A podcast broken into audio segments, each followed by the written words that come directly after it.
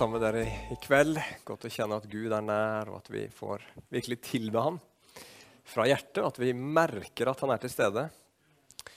Og så er det godt å kunne komme til Guds ord, få eh, føde både for tanker og hjerte. For det trenger vi hele veien.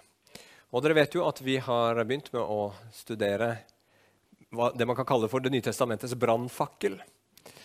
Galaterbrevet som eh, er et brev som Paulus skrev til de kristne i Galatia, en provins ganske midt i dagens Tyrkia. Og som dere husker, så var det noen mennesker i disse kirkene som hadde begynt å si at det er bra at du tror på Jesus for å bli frelst, men det holder ikke. Du må også følge de jødiske skikkene, som omskjærelse og holde høytider og en del sånne andre regler. Og I sin reaksjon på det så skriver altså Paulus det brevet her, hvor han forklarer oss hvorfor det Jesus gjorde, de gode nyhetene, evangeliet, er nok i seg selv. Vi skal ikke legge noe til det Jesus har gjort på korset. Vi skal ikke trekke noe ifra det. Men det er ene og alene korset og det Jesus gjorde, som kan gi oss sann fred med Gud. Det er bare det som kan gi oss fred med Gud. Og dypest sett så er det også bare det som kan forandre oss som mennesker. Det er bare det som kan hjelpe oss med de personlige problemene vi har. Så Sist gang så, så vi på innledning til brevet hvor Paulus var veldig opptatt av at det er viktig at vi får evangeliet rett. Han sa at det er et spørsmål om liv eller død. Og I dag så skal vi gå videre i kapittel 1, så der kan dere gjerne slå opp. Og så skal vi bruke en del tid på uh, en, uh, en, bit av brevet hvor Paulus understreker det at dette budskapet som han har, evangeliet, det kommer ikke fra mennesker, men det kommer fra Gud. Så tittelen i dag er 'Hvor skal vår hjelp komme fra?' Som jo er henta fra Salme 121, er det ikke det? Og så eh, skal vi se på tre sannheter. Det ene er for nummer én at bare Gud kan hjelpe oss. Nummer to religion kan ikke hjelpe. Og nåden forandrer alt. Eller hvordan nåden forandrer alt. Vi ber en bønn, og så går vi inn i teksten. Kjære himmelske Far, vi bare ber nå om at du med din Hellige Ånd skal hjelpe meg til å formidle, Herre, at jeg skal få være tro mot ditt ord, og at du skal hjelpe oss alle sammen til å ta imot, til å forstå, til å bli grepet, Herre. Og spesielt fordi at dette er noe som vi har hørt en del ganger før, Herre. Og spesielt nå i innledningen av Galaterbrevet så får vi en del hva skal man si, repetisjon, far. Men Herre, dette er ikke gammelt nytt, selv om det er noe vi har hørt før. Dette er noe som stadig vekk må bli nytt for oss og bli levende for oss, Herre. Og jeg ber om at du skal hjelpe meg i dag til å formidle dette på en måte som gjør det friskt og levende i Jesu navn. Amen. Da går vi til Galaterbrevet, og så er det kapittel 1. Og så skal vi ta vers 10-12 først. Vi tar hele den siste delen av Galaterbrevet 1, men vi tar det litt stykkevis, og så kommenterer jeg litt underveis. Og så kommer det noen punkter. Så Vi leser Galaterbrevet 1, vers 10-12 først. Der sier Paulus.: Prøver jeg nå å bli anerkjent av mennesker eller av Gud? Vil jeg bare være mennesker til lags? Var det fremdeles mennesker jeg ville være til lags? Da var jeg ikke Kristi tjener. For jeg kunngjør for dere søsken, det evangeliet jeg har forkynt, er ikke menneskeverk. Jeg har heller ikke mottatt eller lært av noe menneske. Nei, det var Jesus Kristus som åpenbarte seg for meg. Hva er det Paulus sier her? Jo, han understreker det som vi sa innledningsvis, at det budskapet han forkynner, det kristne budskapet, det er et budskap som kommer direkte fra Gud. Direkte fra Gud har han fått imot, tatt, ta imot det, og han kaller det for en åpenbaring. Og hva er en åpenbaring? nå skal dere få en åpenbaring. Her har vi en setning. Der står det 'Les escargots sont succulents'. Og Det er sikkert gresk for de aller fleste her inne, men det er egentlig fransk. Og det er antageligvis ikke så veldig mange som vet hva det betyr her. Eh, men for å finne ut hva den setningen betyr, så har du to muligheter. Det ene er at du kan gå på kurs og lære deg fransk eller lese bøker og liksom lære deg det franske språket for å kunne forstå grammatikk og, og ordforråd og alt mulig sånn. Og så kan du til slutt tolke deg fram til hva den setningen her betyr. Det er den lange, tungvinte veien å gjøre det på. Eller jeg kan bare si det til dere, akkurat sånn her og nå, hva det betyr. Det er den litt enklere veien. Og det kan vi kalle for en åpenbaring. Det er en åpenbaring kan sammenlignes med det. Og hva betyr les escargots som sukkulant? Jo, det betyr sneglene er nydelige.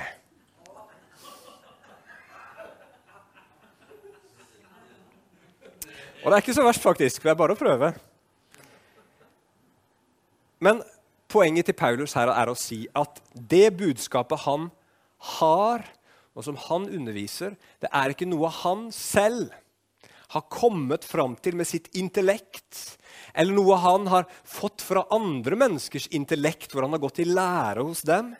Men det er noe som Jesus bare har gitt ham, liksom midt i ansiktet.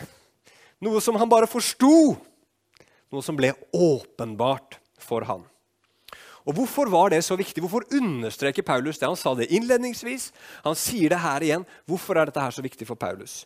Jo, For det første så kan det virke som motstanderne til Paulus eh, de som, sant, de som, sa at man jo, tro er bra, men du må også følge de jødiske skikkene, de hevda at Paulus han hadde kommet på det her sjøl. Altså, dette her er Paulus sine egne tanker, sa de. Men vi vi har vært i Jerusalem, snakka med de ekte apostlene. Og vi vet at det budskapet de sier, det er litt annerledes enn det Paulus sier. Det ligner litt på Paulus sitt budskap, men det er ikke det helt og fullt. Eller så kan de ha sagt noe sånt som det her, at jo da, Paulus har nok et budskap som, som, som, eh, som, har noe med Jesus å gjøre. Og det er fordi han har, har hørt det fra de andre apostlene, men han har misforstått litt. Men vi også hadde kontakt med de apostlene, og vi vet at budskapet egentlig skal være sånn. Og da er det så viktig for Paulus å si dette her kommer ikke fra mitt eget hode. Det kommer heller ikke fra de andre apostlene. Jeg har ikke vært, vært og lært hos de. Men dette her er virkelig direkte fra Gud. Det er Gud som har gitt dette budskapet til meg. Og det sanne budskapet er at du blir frelst. Du får tilgivelse og evig liv gjennom det evangeliet som jeg forkynner. Så Det er den ene grunnen. Han, han, sa det her for at motstanderne hans ikke skulle liksom se ut til å få rett i deres kritikk av han. Men for det andre så sier han det fordi det er et, en dyp bibelsk sannhet at det bare er Gud som kan hjelpe oss. Hvem kan hjelpe deg som individ med dine problemer?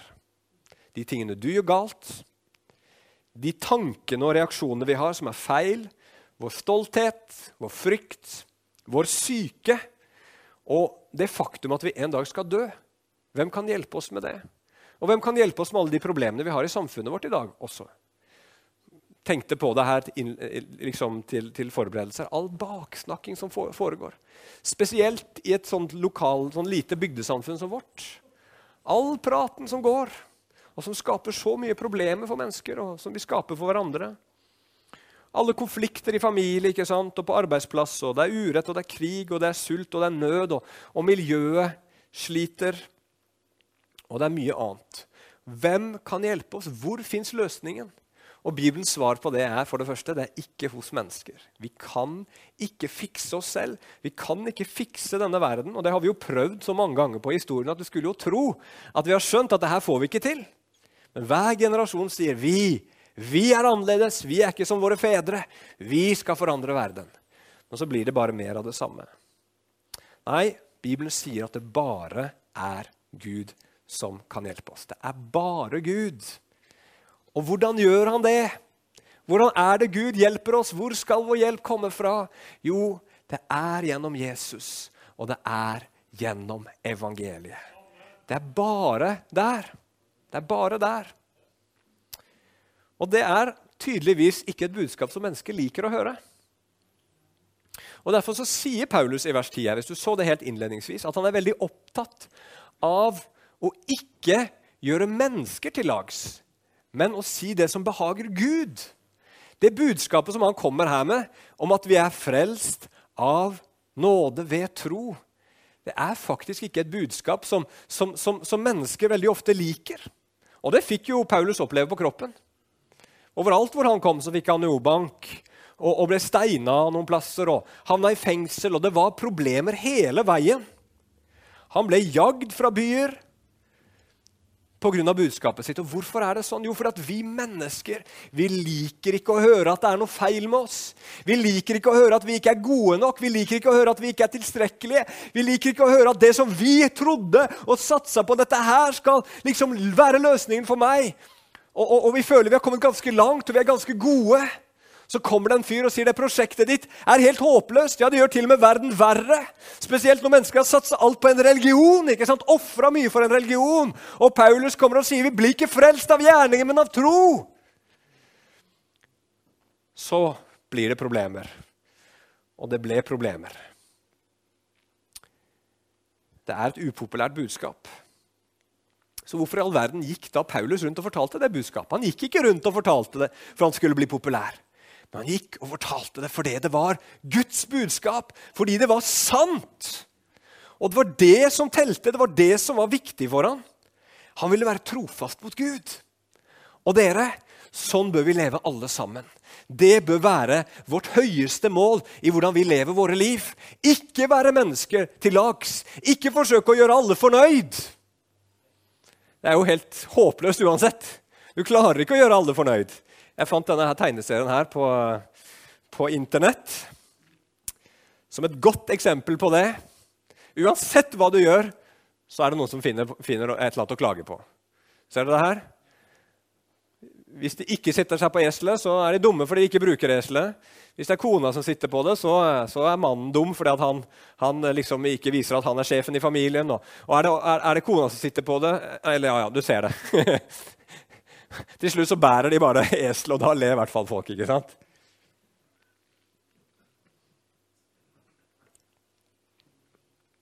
Nei, Folk blir aldri fornøyd. Men la oss søke å gjøre Guds vilje. La det være målet i livet ditt. For det første fordi det er godt og det er bra. Gud er vis. Han alene er vis, står det i Bibelen. Og for det andre så er det jo han en dag som du og jeg også skal avlegge regnskap for. Og da betyr det ingenting om alle var fornøyd. Men det som betyr hva vi gjorde det Gud sa vi skulle gjøre. Og mest av alt selvsagt at vi stolte på Jesus og det han har gjort for oss. Ok, La oss lese videre i Galaterbrevet. Vi fortsetter i kapittel 1, og så leser vi vers 13 og 14. Dere har jo hørt hvordan jeg tidligere for fram som jøde, hvor voldsomt jeg forfulgte Guds kirke og forsøkte å utrydde den. Jeg gikk lenger i min jødedom enn mange jevnaldrende i mitt folk og brant enda sterkere av iver for overleveringene fra fedrene. Hva er det Paulus forteller her? Vel, hvis, hvis vi på en måte hører på det Paulus sier, at, at, at budskapet må være Guds budskap, det må komme fra Gud, for vi kan ikke hjelpe oss selv, så er det nok mange som tenker sånn at ja, jeg vet ikke helt om jeg tror på det. Jeg tror at vi kan gjøre en forskjell. Vi kan gjøre mye godt, vi kan forandre enormt mye bare vi bestemmer oss for det. Og greia er at det trodde Paulus òg. Før.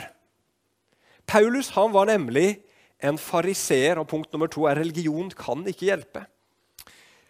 Paulus var en fariseer. Og dere har sikkert hørt om fariseerne. Det var en gruppe mennesker i Israel som var veldig oppsatt på og bestemt på at de skulle leve rett. De ville leve rett etter Guds lov. De ville, gjøre, de ville være gode og rettferdige mennesker. Og de, ville, de, var så nøye på det at for å være sikre på at de gjorde alt rett, så lagde de seg masse ekstraregler. Bare for å være helt sikre på at de var innafor. Så når Gud i sine bud sa du skal holde hviledagen hellig, så sa fariseerne det betyr at du kan ikke gå lenger enn tre kilometer på sabbaten. Så da måtte de bruke GPS og sjekke det. Nei, det var, der, det var noen avstander de hadde, da. Og, så Paulus han var en sånn type. Men ikke nok med at Paulus var en sånn type, men blant disse fariseerne så, så var, Paulus den beste. Han var stjerneeleven. Han var den ivrigste, han var den flinkeste. Han var den som alt var i orden med. Alle så på Paulus og så opp til han. Sjekk, han! Han er en god og rettferdig mann, sa folk. Og det følte Paulus selv òg, såpass mye at han nok gikk rundt og følte at han ikke bare måtte passe på seg sjøl, men burde passe på andre òg, at de levde rett. Og Spesielt da de jødene som hadde begynt å tro på Jesus. Her følte eh, Paulus et spesielt ansvar, og han ble brennende i sin iver og ble så fanatisk, står det i Apostlenes gjerninger kapittel 8, at han trengte seg inn i hjemmene til de kristne, slepte dem ut, står det derfra, og fikk dem satt i fengsel. Og Hvorfor gjorde han det? Jo, for han var overbevist om at det her er det rette å gjøre. Dette er det gode å gjøre. Nå er det veldig mange mennesker i dag som sier at religion det fører til hat og det fører til konflikt. Og Bibelen er ikke helt uenig i det. Bibelen sier faktisk at ja, det er sant. Menneskeskapt religion, menneskeskapt religion skaper enormt med problemer og lidelse. Og Hvorfor gjør det det? Hvorfor er det sånn at religion skaper problemer ifølge Bibelen? Jo, Vi ser det her med Paulus. Han snakker om at han sammenligna seg med sine jevnaldrende. Han visste at han var bedre. Han fikk det bedre til. Og når du og jeg sammenligner oss, og det gjør vi jo alle sammen på forskjellige måter, så kjenner du enten på stolthet eller du kjenner på fortvilelse når du sammenligner med et annet menneske. Du føler deg stolt hvis du føler det står bra til, og du får det bedre til enn gjennomsnittet. Eller du føler deg nokså fortvila hvis du opplever at du ikke strekker til. Hvis andre får det bedre til enn deg. Er det noen som kjenner igjen den følelsen? Når det her er tilfellet, så føler man uansett om du får det til eller ikke, at du er nødt Eller du, for å si det sånn, da. Når du føler du får det til, så, så, så, så har du så, ser, så, så, retter du blikket ditt mot de andre, og så får du din selvfølelse fra at det går bedre med deg enn med de andre. Men når du ikke får det til, så må du allikevel kompensere på en eller annen måte. og Da må du begynne å leite etter de som ikke får det så bra til som deg. Og så ut ifra dem finne din følelse av at ting går bra. Ofte ved at man da begynner å fordømme og kritisere og korrigere andre. Og Det gjør både de som får det til, og de som ikke får det til. Alt handler om å bygge opp sin egen selvfølelse. Og når vi er sånn som mennesker at vi har dette behovet for å føle at vi er ok, og at vi må få det fra andre mennesker, hvordan vi føler oss i forhold til dem, så kan det veldig fort føre til konflikt. Og det kan føre til og med til vold, og det kan føre til og med til krig.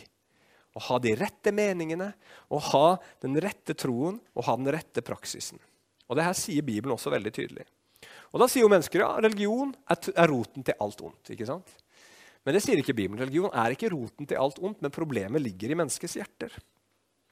For selv når du anser deg som ikke-religiøs, hvis du ikke er en troende, så har du allikevel noen sånne verdier som du baserer livet ditt på, og som du sammenligner deg med andre ut ifra for, for, å føle eh, etter om du er ok eller ikke. Og jeg synes det er, det, er fantastisk å leve i den tiden her, for det er så utrolig tydelig. Du har det f.eks. når vi snakker om naturvern. Eh, du har det også når vi snakker om Donald Trump. Altså, I vårt samfunn i dag så er det et godt menneske hvis du er opptatt av klima og miljø og resirkulerer og gjør de tingene du skal. Kjøper deg Tesla og sånn. Og så er du et dårlig menneske hvis du ikke tror på de menneskeskapte klimaendringene. Eller med Donald Trump. Hvis du rakker ned på han og kritiserer han og, og har et negativt syn på han, ja, da er du et godt menneske. Men hvis du støtter han og har noe positivt å si om han, ja, da er du et dårlig menneske. Jeg tar ikke stilling i noen av disse debattene. her, det er ikke det som er Poenget mitt Poenget mitt bare er å si at vi mennesker er sånn at vi sammenligner oss med andre ut ifra de verdiene vi har. Og så ikke bare blir vi liksom selvrettferdige av det, men blir veldig ofte fordømmende. Og, kan, og ofte kan vi ty til drastiske virkemidler. Og Ser du på nyhetsbildet fra USA i dag, så er det akkurat det som skjer. De kaller det for kulturkrigen. Og nå begynner det å brenne der borte. Fordi at folk blir så opptatt av det her. Folk tenker at disse menneskene er onde.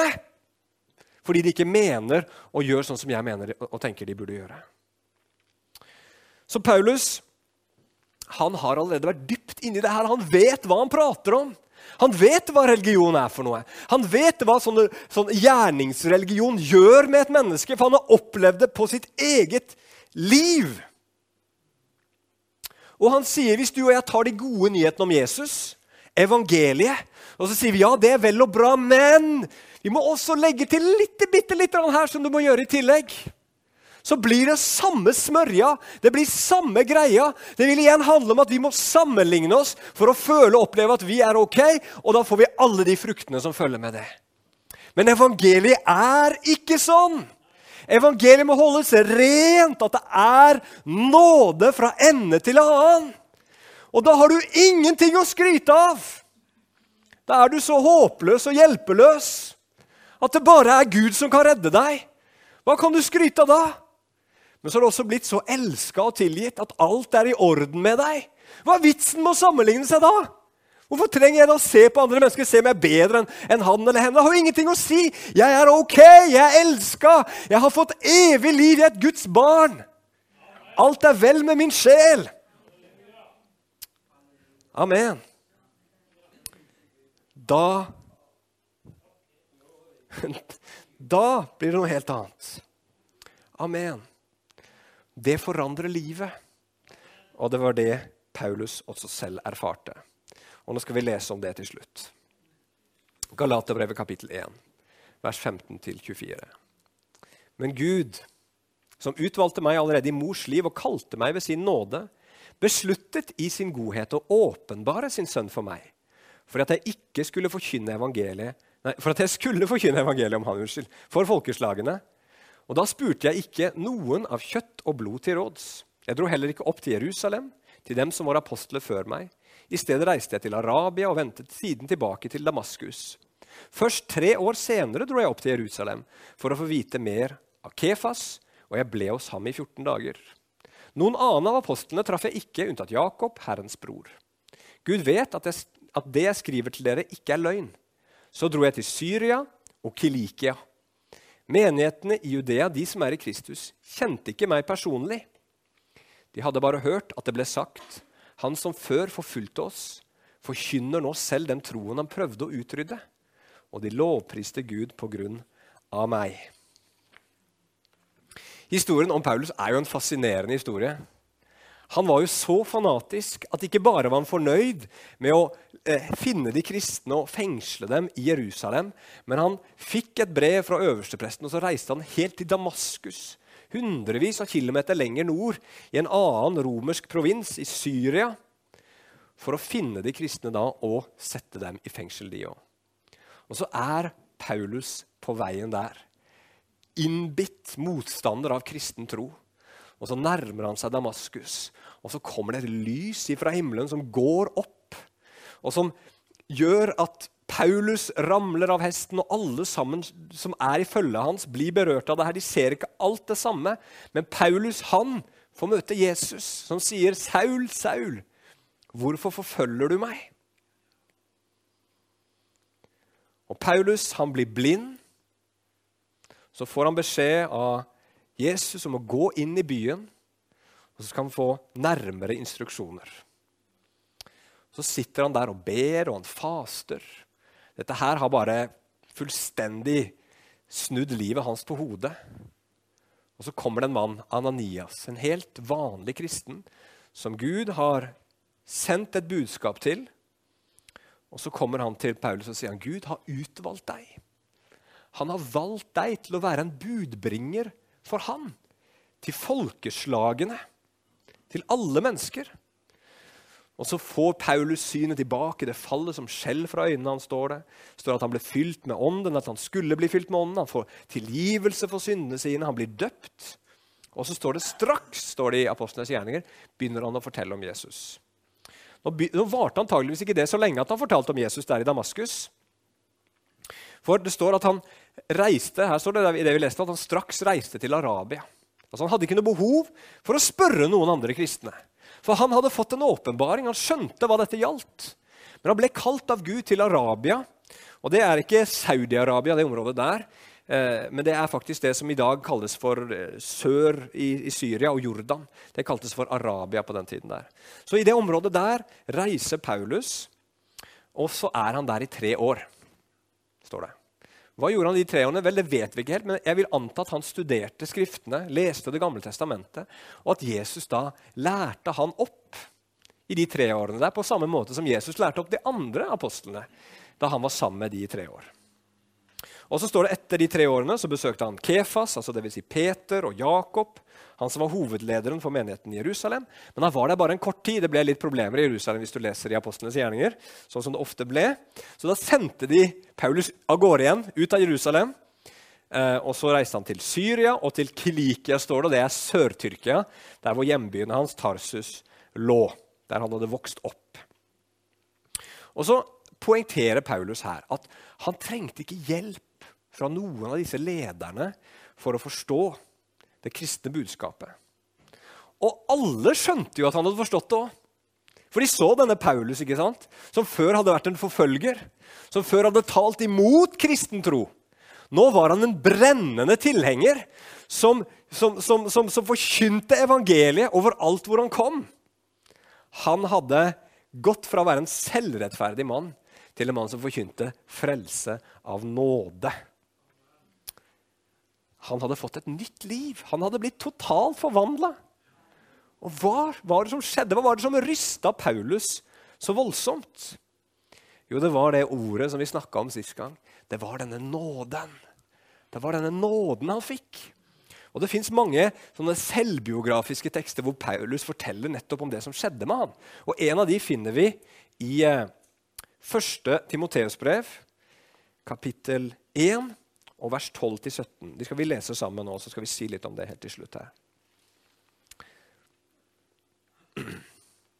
Der står det.: Jeg takker Ham som gjorde meg sterk, Kristus Jesus, vår Herre, for at Han viste meg tillit og satte meg til tjenesten. Jeg som tidligere spottet, forfulgte og brukte vold. Men han var barmhjertig mot meg, for i min vantro visste jeg ikke hva jeg gjorde. Og vår Herres nåde har vært overstrømmende rik og har gitt meg tro og kjærlighet i Kristus Jesus. Det er et troverdig ord, vel verdt å ta imot, at Kristus Jesus kom til verden for å frelse syndere. Og blant dem er jeg den største, sier han. Men når jeg fikk barmhjertighet, var det for at Kristus Jesus skulle vise hele sin tålmodighet på meg som den første, til et forbilde for dem som senere skulle komme til tro på ham og få evig liv. Han som er konge i all evighet, den uforgjengelige, usynlige og eneste Gud. Han være pris og ære i all evighet. Amen. Tenk på Paulus. Han trodde at han var rettferdig. Han trodde at han var god. Han trodde at Gud var skikkelig fornøyd med han. Og så plutselig innser Paulus, sånn som han sier her, at han var den største av alle syndere.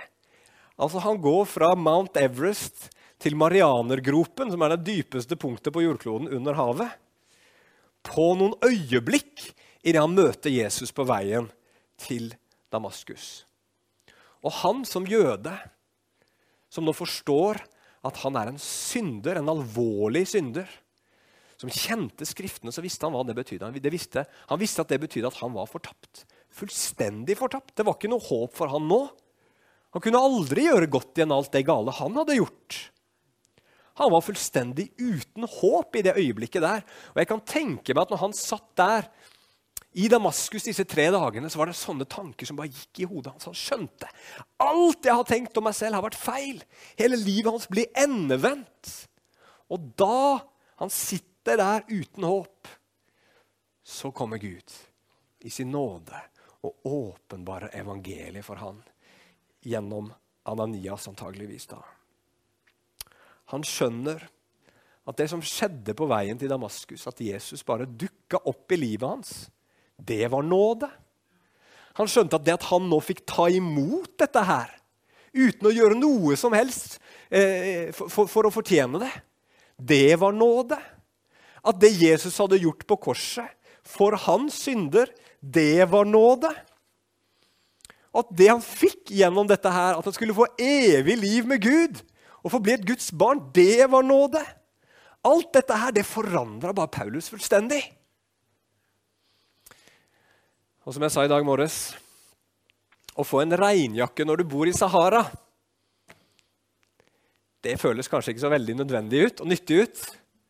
Men hvis du bor i Bergen, da må du gi den som ga deg den regnjakka, en klem. Da har du bruk for den. ikke sant? Hør her. Det å høre om Jesus, som døde for dine synder, det gjør ikke så veldig mye med deg hvis du tenker at det er jo ganske ok. Og hvis jeg en dag skal stå framfor Gud, og han kanskje fins, ja, da vil jeg jo tro at han slipper i hvert fall meg inn. Jeg er jo ikke noe verre enn de fleste. Det er først når du forstår at du er håpløst fortapt, at du ikke kan gjøre noe som helst for å redde deg sjøl. Og at Gud elsker deg allikevel. Og at han elsker deg, elsker deg så mye at han ble menneske og tok på seg selv det du skulle hatt. Det er først da at korset og nåden blir så dyrebar for deg at du etterpå ikke vet hva godt du kan og skal gjøre for Gud og for din neste. Og det var det som skjedde med Paulus. Han sier et sted i et av korinterbrevene For Kristi kjærlighet tvinger meg, sier han. Det var denne nåden som bare overvelda han og fortsatte å overvelde han i hans liv. Som drev han, på tross av forfølgelse, smerte, vanskeligheter og problemer. Så holdt han ut. Det var nåden som hadde forvandla han. Han gjorde det ikke for å få nåde, han reiste ikke rundt for å få nåde. Men han gjorde det fordi han allerede hadde fått det. Og Så sier Paulus noe spesielt her. Han sier at dette skjedde på meg som et forbilde for alle som skal komme til tro. Og Da må vi jo spørre oss selv har jeg sett sånn som Paulus, hvor håpløs og hjelpeløs jeg er i meg selv. Og Paulus han er et eksempel på to måter. han. For det første så er han et eksempel i å være liksom den beste på religion. Han var stjerneeleven, som jeg sa, i å følge bud og lover og regler som Gud hadde gitt. Det var ingen som var bedre enn Paulus. på en måte. Men han var ikke god nok. Og det, klarer, det, er jo ikke noen av oss det heller. Uansett hvor hardt du prøver, så kan du ikke bli god nok. Så Det er den ene siden ved Paulus, men så har du den andre siden ved Paulus hvor han sier at han er den største av alle syndere. Så uansett hvor ille du tror du er, uansett hvor liksom du tenker at jeg, jeg får det i hvert fall ikke til, så sier Paulus jeg er verre enn deg. Og kunne Gud frelse meg, kunne Gud tilgi meg, så kan han gjøre det samme med deg også. Så da må du og jeg gjøre som Paulus og tro på Guds nåde. Og på samme måte som Gud gjennom Jesus kom til Paulus personlig, så kommer han til hver av oss også. Og så kaller han oss av bare nåde. Han kaller oss inn i sitt rike. Han kaller oss til å vende om fra synd og til å få lov til å kjenne Han, til å forstå hva Han har gjort for oss. Og han kaller oss også til å tjene Han. Gud hadde en plan med Paulus. Han har en plan, han har en tanke, han har en hensikt med ditt liv òg. Det er ikke overlatt til tilfeldigheten. Det er ikke sånn Når Gud frelser deg, så sier han ja, nå har jeg frelst deg, nå er jeg grunn ferdig med prosjektet, så nå får du bare gjøre et eller annet smart med livet ditt. Ta en utdannelse eller gjør noe lurt. Nei, han har en plan. Han har en tanke. Han vil noe med livet ditt. Han vil at du også skal bære frukt. Han vil at du skal erfare Guds kjærlighet på samme måte som Paulus gjorde. Og så tjene han i kraft av den kjærligheten. Og Det viktigste vi gjør for Jesus, det er å ikke holde disse gode nyhetene for oss sjøl. Tenk, dette her er noe du kan gi til absolutt alle. Det fins ingen religiøs person som er god nok allikevel. Forkynn evangeliet for dem. Det fins ingen som er i rennesteinen og, og, og alt har rast sammen for, som er så langt nede at evangeliet ikke har kraft til å frelse. Dette budskapet gjelder alle, rike, fattige, vellykka, mislykka i verdens øyne. Evangeliet handler ikke om oss, men det handler om Han som frelser oss. Det handler om vår Gud. Håpet fins ikke hos oss, men det fins hos Gud. Håpet fins ikke i våre gjerninger, men det fins i de gode nyhetene om Jesus. Det han har gjort for oss, det fins i evangeliet. Amen.